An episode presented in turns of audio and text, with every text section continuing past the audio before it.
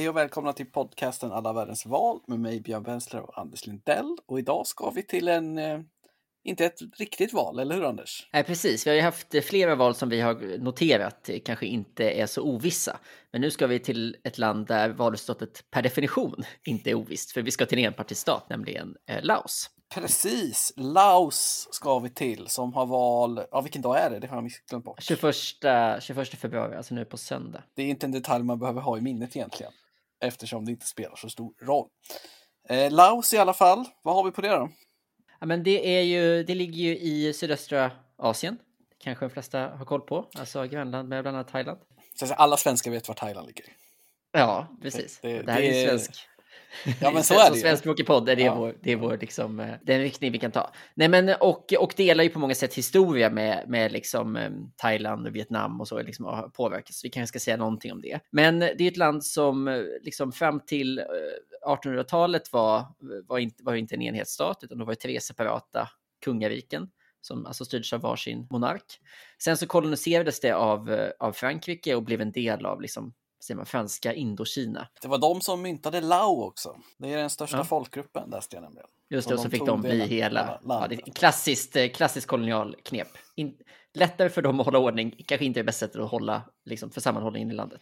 Um, man kan väl säga, vad ska man säga om, om kolonialtiden? Vi kanske ja, men, inte behöver säga jättemycket, men man... Som jag förstod det så är ju, var ju Laos, eh, det var ju skitsamma med Laos för fransmännen. Det var, Vietnam var juvelen i Indokina-imperiet. Mm där fanns det liksom sak, pengar att tjäna och naturresurser att ta vara på och allt möjligt. Laos var en buffertzon. Liksom. Och det var ju inte heller liksom ett, en enhetligt rike från början, utan det var lite, vad ska man säga, det blev så av kolonisationen kan man säga. Och sen tillhörde vi ju Japan lite under andra världskriget, eller var ockuperat vid Japan i alla fall. Och sen franskt igen en, en kort tid. Eh, och sen blev det liksom fritt på, eh, i början på 50-talet. Och då gjorde man så att då installerades en av, en av de här tre kungafamiljerna som hade styrt de här tre tidigare rikena, eh, tog över och blev regenter då, även för det enade Laos. Och det drog igång ett inbördeskrig som höll på i ungefär 20 år mellan, mellan eh, då å ena sidan kungens sida och å andra sidan det som mer och mer kom att bli liksom eh, kommunisterna. Ja, precis. Kommunisterna körde ju på i ett inbördeskrig och sen eh, Vietnam har ju en eh, parallell historia till Laos. Och Vietnam vinner ju som de flesta som, har, eh, som, som hänger med. De har ju sitt in, krig, inbördeskrig och amerikanska krig under 60-talet och början på 70-talet. Och när Vietnam väl vinner det så hjälper man sina kommunistiska broderparti i Laos att knipa makten 1975. Just det, så att det blev en, en vad ska man säga, en följdeffekt. Att de Precis, och Vietnams kommunistparti blir någon slags maktfaktor där. De intervenerar ju i Kambodja sen, några år senare. Och så. så de är ju en powerplayer. Och de ockuperade delar av Laos också för att säkra upp sin Ho Chi Minh Trail. Så, så Laos blev ju otroligt hårt bombat under kriget av amerikanerna. Mm. Jag läste någonstans att man släppte lika mycket bomber på Laos som man gjorde på Europa under andra världskriget. Oj. Ja. Det, var, det är en jävla massa. Man kan ju fråga sig effektiviteten och försöka bomba sönder djungeln. Men det, det. Just det. Men, äh, men då kommer alltså, då grundar man alltså liksom den, den eh, demokratiska folkrepubliken som det är idag. Det är alltid roligt. Jag tycker ju fler, ju fler ord man har innan republik, liksom fler röda flaggor kan man säga. Så de, demokratiska folkrepubliken, det är ju även det som, liksom, republiken Korea är ju Sydkorea och demokratiska republik, folkrepubliken Korea är ju Nordkorea. Så är det. Så att, um, säga lite snabbt, det är typ 7 miljoner invånare. En ganska liten huvudstad, Vientiane. Och det är fattigt. Klart fattigare mm. än sina grannländer. Och ska vi gå in då på hur, hur valsystemet eh, ser ut då? I, på pappret. Ja, vad har man på pappret? Man har ett parlament med 149 platser kan jag berätta.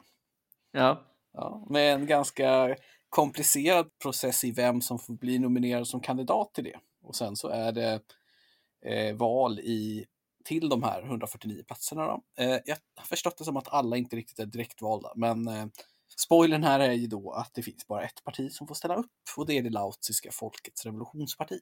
Mm. Eh, och de vann 144 platser i valet 2016, vilket får mig att fundera lite. Ja, men vad händer med de här sista fem då? Ja. liksom hur, ja, det, hur, det gick till independent candidates enligt Wikipedia-sidan om det här valet, som ju givetvis är en säker källa. Men där undrar man ju lite liksom, varför släppte man fem platser.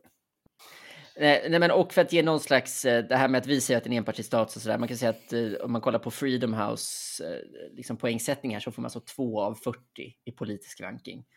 Och de två poäng de skrapar ihop, det är på bekämpandet av korruption, de får ett av fyra poäng, och öppenhet i, i, regeringens arbete, de får ett av fyra. Och i övrigt så får man då ingenting. Så det, det är liksom inte ett, ehm, det är inte ett system som, alltså ofta när vi, vi har pratat och kommer att prata om länder där man har en, en demokrati som inte funkar perfekt. Det här är inte ett land som, alltså det är inte ens på pappret ett försök att vara demokratiskt i den, i den bemärkelsen. Eller håller du med om det? Nej, nej men det är det ju inte. Men det, det hände ju då istället, så här, okej, valet är nu i februari, men i mitten av januari så var det istället partikongress för kommunistpartiet. Och som alla som följer sånt här så vet ju att partikongresser i kommunistiska stater, det är en stor grej. Det är där den riktiga valen görs. Mm. Och eh, då hade de alltså kongress i mitten av januari och då skickar de 768 ledamöter och så, så väljer de en centralkommitté på 71 personer. Centralkommittén är väldigt viktig i leninistiska system. Men de väljer också då en generalsekreterare och en politbyrå. Och en politbyrå, det är den exekutiva kommittén i ett kommunistiskt parti. Ungefär som en partistyrelse i Sverige, fast med liksom kanske ännu mer makt. Och då är det fyra andra länder i världen, Anders, som har en politbyråsystem. Vilka är det? Oh, um... Kina, va? Kina är korrekt. Är det Kina, Kuba? Ja. Vietnam? Ja. Uh...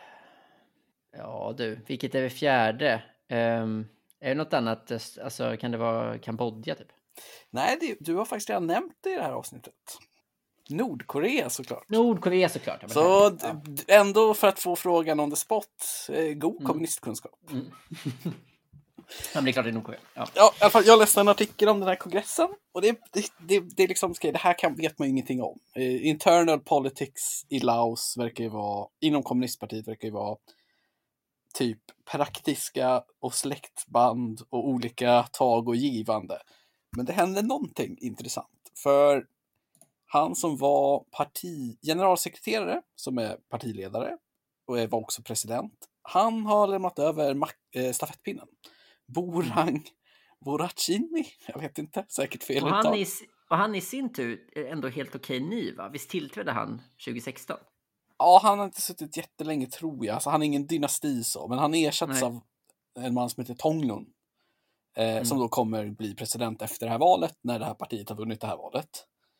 Eh, och sen händer det lite, en annan, kanske lite så här kittlande händelse var att eh, en man vid namn, nu jävlar kommer ett uttal här, Saisomne mm.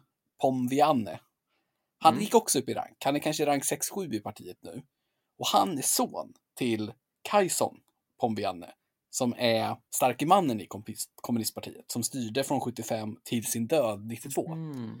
Mm. Och det här är hans äldre son som i min läsning mellan ladorna egentligen är, är lite av ett fuck up. Och att det mm. var hans yngre bror som skulle göra politisk karriär. Men denne dog liksom hastigt för typ tio år sedan. Så nu har han mm. fått liksom axla familjebandet. Men maktdynamiken inom partiet verkar vara att det finns någon typ av intern konflikt mellan gamla eh, krigshjältar och revolutionärer som liksom tog makten med våld och en ny, yngre, mer utbildad teknokratisk grupp som liksom inte har krigserfarenhet. Eller mm. kommer från familjerna som har krigserfarenhet. Och att det finns någon slags spänning däremellan. Men alltså, det går inte att säga något specifikt om dem för mig. Men det, där var det någon artikel som jag läste om att det var en, liksom, en spaning. Men politiskt så ligger ju riktningen fast. De fokuserar jättemycket på vattenkraft. De har ju Mekongfloden som rinner genom landet, vilket gör att de har konflikt med eh, länderna som ligger längre ner längs floden, vilket i det här fallet är Vietnam och Kambodja och Thailand. Och de satsar jättemycket på vattenkraft för att sälja den till sina grannländer.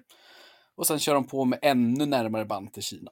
Ja, det känns som att eh, dels de banden till Kina, men också jag tänkte att liksom ett sätt att förstå Laos liksom som som politiskt system är att man har gjort en kinesisk, en kinesisk resa så att säga. Alltså att man har eh, ändå börjat öppna upp ganska mycket eh, i ekonomiska termer. Och därmed på något sätt eh, lyckats slippa undan att göra det i, i politiska. Ja, det är nog alltså, ganska... Alltså man har en ekonomisk liksom, tilltagande öppenhet. Men den återspeglas inte i att det är en allmän liberalisering, liksom, även i politiska rättigheter. Nej, det är ju Kina influerat. Jag har ju varit där för typ tio år sedan och då var det så här, Mm. ibland åkte man buss liksom och då var det, kom det kanske en konvoj med liksom svarta SUVs. Då var det så här, Mm. ja men, de, bara, ja men det är kineserna i de där som åker med sina intressen. Men de har ju en speciell position för att de är ju nära kineserna och nära vietnamesiska partiet. Och det kinesiska kommunistpartiet och det vietnamesiska kommunistpartiet, de gillar ju inte varandra alls. Hmm. Där är det ju en eh, stor fejd. Och det Laos, stackars Laos kommunistparti sitter mitt emellan. Ah, så de är liksom skilsmässobarnet mellan Kina och Vietnam? Ja, Kina eh, invaderade ju Vietnam efter slutet av 70-talet. Fick stryk Mm. av vietnameserna. Alltså, det är en, där finns det en riktig liksom, ongoing konflikt. Och så har man då Laos som är på något sätt i kanske ekonomisk beroendeställning till den ena, men å andra sidan politiskt har haft väldigt mycket påverkats av, av Vietnam. Exakt, så de sitter lite så här, de sitter i en speciell, det enda landet i världen som sitter i den positionen är Laos. Just det.